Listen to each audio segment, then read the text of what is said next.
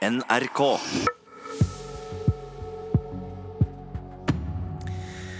Da har vi samlet ukens fredagspanel her i Nyhetsmorgen. Velkommen til Ingebjørg Sofie Larsen, kulturredaktør i Minerva. Morgen. God morgen, Sigrid Hvitsten, kulturredaktør i Dagbladet. God morgen. God morgen, Og filmskaper Henrik Hylland Ulleving med oss på linje fra Bergen. God morgen, god morgen.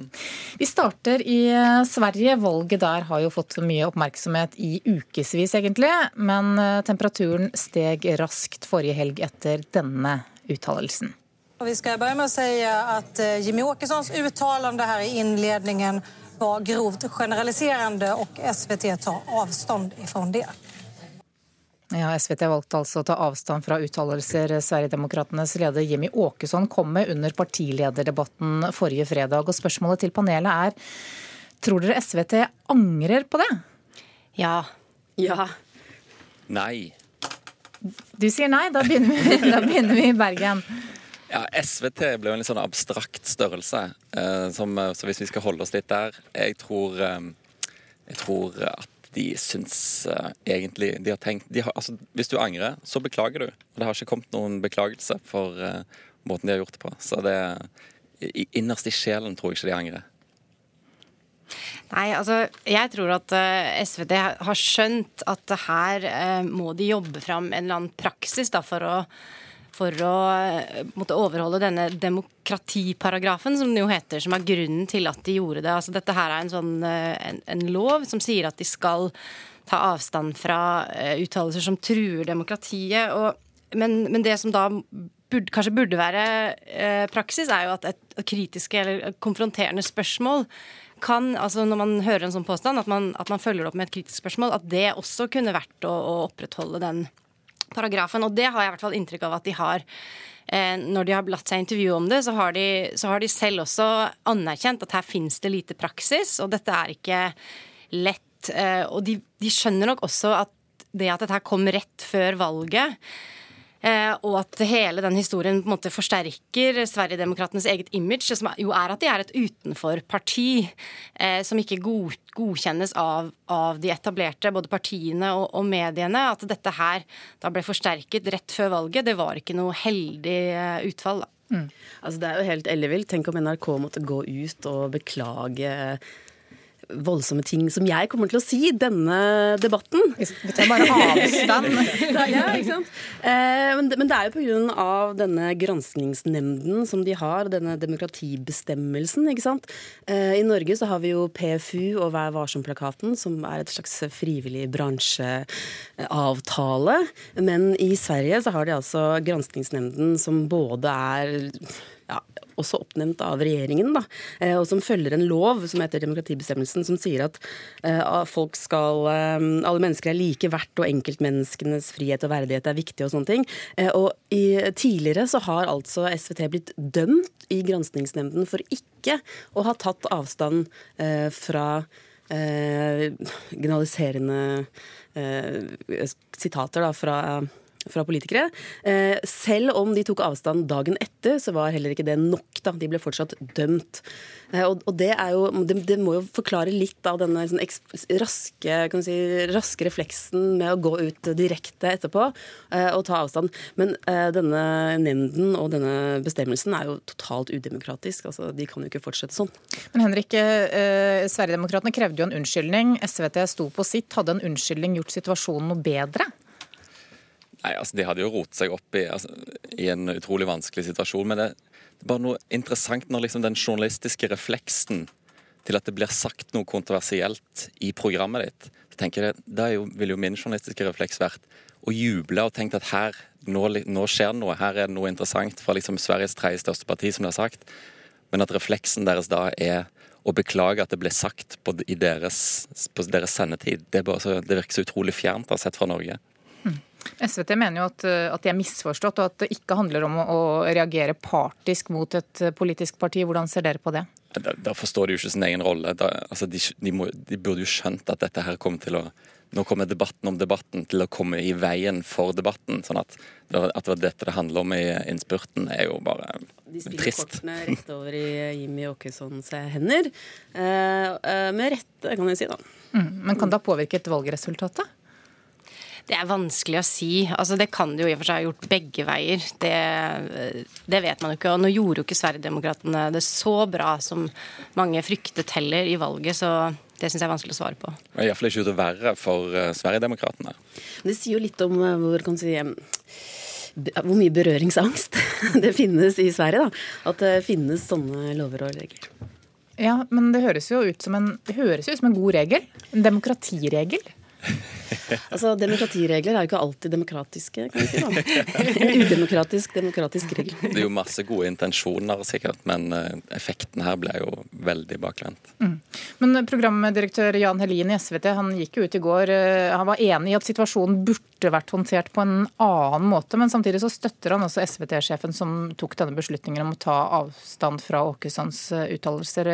Hva forteller det, Ingebjørg? Nei, altså jeg tror det, bare, det som framgår her, er at det, det var en, en, vanskelig sak for SVT nettopp fordi at denne paragrafen fins. Så vet man ikke hvordan man skal overholde den. Men, men jeg, jeg syns i hvert fall at vi ser en sånn eh, en slags eh, beklagelse her, selv om uh, den, den, er liksom forkledd da, i, i, en støtte. Så jeg, jeg tror her kommer man til å sette seg ned og så kommer man til å se på hva skal man gjøre for å overholde denne loven i fremtiden. Det er jo sånn Når eh, NRK blir dømt i Kringkastingsrådet, så tar de jo det til etterretning ofte, er det ikke det? Mm -hmm, vi tar hensyn til det. Ja, ikke sant? Vi skal videre snakke litt om eh, kjønn og språk. I et av verdens mest likestilte land så hersker det fortsatt et gammeldags språk som er nedsettende mot kvinner. Det mener forfatter Helene Uri. Når jeg blir fortalt at åh, du er skikkelig modig, altså du har baller så, så sier det også noe om at vi kvinner kan vi kanskje ikke være modige med det vi har mellom beina. Sånn at språket er makt, og det må vi faktisk være klar over. Ja, Helene Uri er altså aktuell med ny bok. Hun var gjest her i Nyhetsmorgen eh, litt tidligere i uken, og det var et kutt derfra vi hørte nå. Spørsmålet til panelet er står språket vårt i veien for eh, likestilling? Ja. Ja. Ja. Alle er enige. Ingebjørg? Ja, nei, altså Helene Uri hun ser jo på to ting i boken sin. og Det ene er hvordan menn og kvinner bruker språket forskjellig. Og så er det hvordan de omtales forskjellig. Eh, og det som kanskje er mest overraskende, er nettopp det som hun sier. altså Forskjellen på hvordan man eh, omtales. At man sier kvinnelig forfatter, eh, mens man snakker veldig sjelden om mannlige forfattere. Og så sier hun også det at biografier om menn veldig ofte er skrevet av menn. Så menn skriver om menn, mens kvinner skriver om eh, begge kjønn. Eh, og så videre. Og så har man sånne uttrykk som eh, kjøre, som en, kjøre bil som en kjerring osv., som da på en måte er der. Og selvfølgelig kanskje det er det som hindrer likestillingen mest, da, hvis man skal snakke om det. Men er det noe som unge mennesker f.eks. bruker i dag? Å kjøre som en kjerring? jeg tror kanskje oftere enn man tror, da. For det som er litt interessant, er at Helene Uri hun har jo faktisk kvantifisert det her. Altså Hun har sett, eh, satt seg ned og telt. Hun har lyttet til samtaler, lest bøker og på en måte målt dette. For dette er sånn som man, man, har en forestilling om det, og så tror man kanskje at det er på vei ut, at dette er ikke relevant lenger. Men så har hun da eh, over flere år telt eh, og, eh, og, sett på dette her og kommet fram til at dette er faktisk et, eh, et ganske stort problem i dag også. Og så var det én historie som jeg syntes var litt morsom eh, som ble nevnt, og dette, dette, om at menn snakker mer enn kvinner.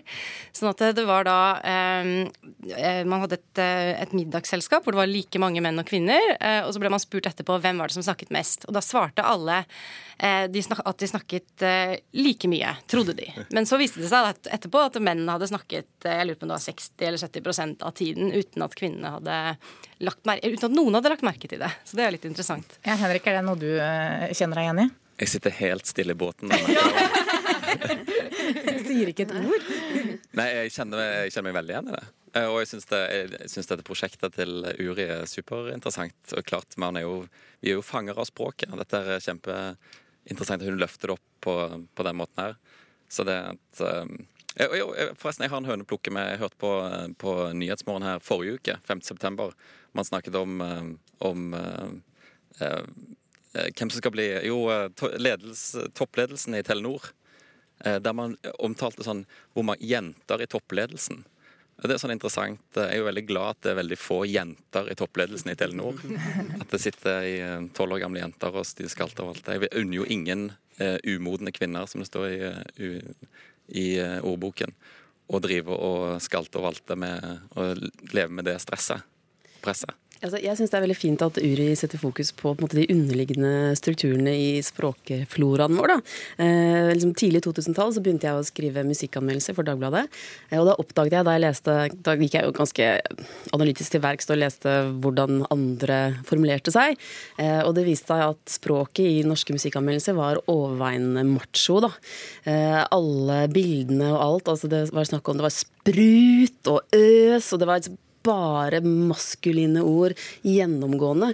Så jeg lagde også et lite prosjekt sånn om at jeg, nå skulle jeg eh, feminisere musikkanmeldelsene litt. Da, sånn myk som Chanel-krem og alt sånt. eh, og, og, det var jo ganske artig, egentlig. Å prøve å finne opp et nytt språk eh, i en veldig etablert eh, sjanger. Men jeg skal bare si at akkurat i går eh, så eh, fikk vi et lite gjennombrudd, kan du si. Da, for da gikk Bent Høie og Linda Helland ut og sa at de har offisielt Eh, byttet navnet på ordet helsesøster eh, til helsesykepleier. Eh, for å rekruttere flere menn til stillingen og for å gjøre det mer nøytralt. Og det er kjempefint, med unntak av at det er utrolig vanskelig å huske, og folk, barna kommer til å glemme det umiddelbart. Men da glemmer de å gå til helsesøster. Du må huske å gå til helsesykepleieren nå, lille Ole. Jeg tror ikke det, altså. Men det er godt tiltak, da. Ja, og det der å nyansere språket ytterligere, som jeg forstår at Uri sitt prosjekt òg, det syns jeg jo er det er jeg jo veldig for. Jeg hører på en del svenske podkaster fra dette koko-nabolandet vårt, uh, der de konsekvent har innført å bruke kjønnsnøytralt uh, pronomen 'hen'. Og det er jo veldig, det er, merket, det er, en, det er en mer effektiv måte å si istedenfor eh, 'han eller hun', så kan du bare si 'hen'. Eh, og det har de liksom, det er blitt en sånn del av dagligtalen i, de, i den, de svenske podkastene jeg følger. Og det syns jeg en, det gjør språket rikere, da. Vi må videre. Eh, vi skal snakke om noe som etter planen skal skje i Tel Aviv i mai neste år. I'm not your toy.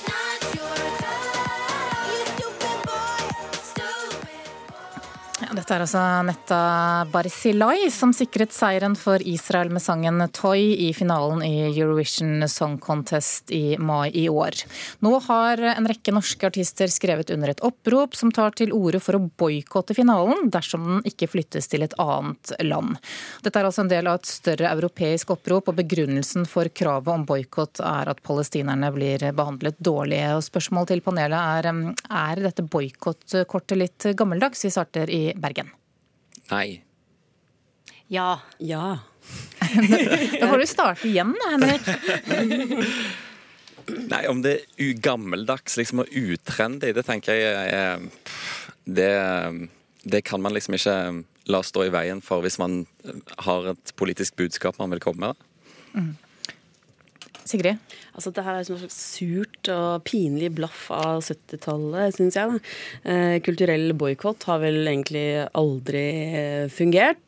Eh, liksom målet med kulturbegivenheter som Grand Prix er jo å dele kunnskap og impulser og skape dialog. Eh, så jeg synes at det er veldig misforstått. Eh, ja. Mm. Ja, og så tenker jeg at Det er jo helt klart at uh, situasjonen uh, i uh, Israel og Palestina blir i hvert fall ikke noe bedre av, av denne boikotten. Og det, det, vet man jo. og da tenker jeg at yep. når, når, heller, når, man heller kan gjøre ting sammen som ikke handler om politikk, som dette er liksom et, altså, et veldig godt eksempel på, da, så tror jeg at det, det, man skal prøve å gjøre nettopp det, og, og fokusere på musikken. og jeg tror at kanskje i dag hvor vi har så steile politiske fronter overalt, da, så er det kanskje enda viktigere å være litt bevisst på akkurat det. Det må jo finnes noen arenaer som, eh, hvor man kan møtes og tulle, da, som Grand Prix egentlig er. Men det, det er to ting der. Altså, jeg tror det det er, 20 sekunder, jeg må si det. det er et politisk arrangement. Det gjorde Neta til et politisk arrangement. når hun sa liksom 'Next year in Jerusalem'. At det får et politisk motsvar, det syns jeg er helt, eh, helt innafor.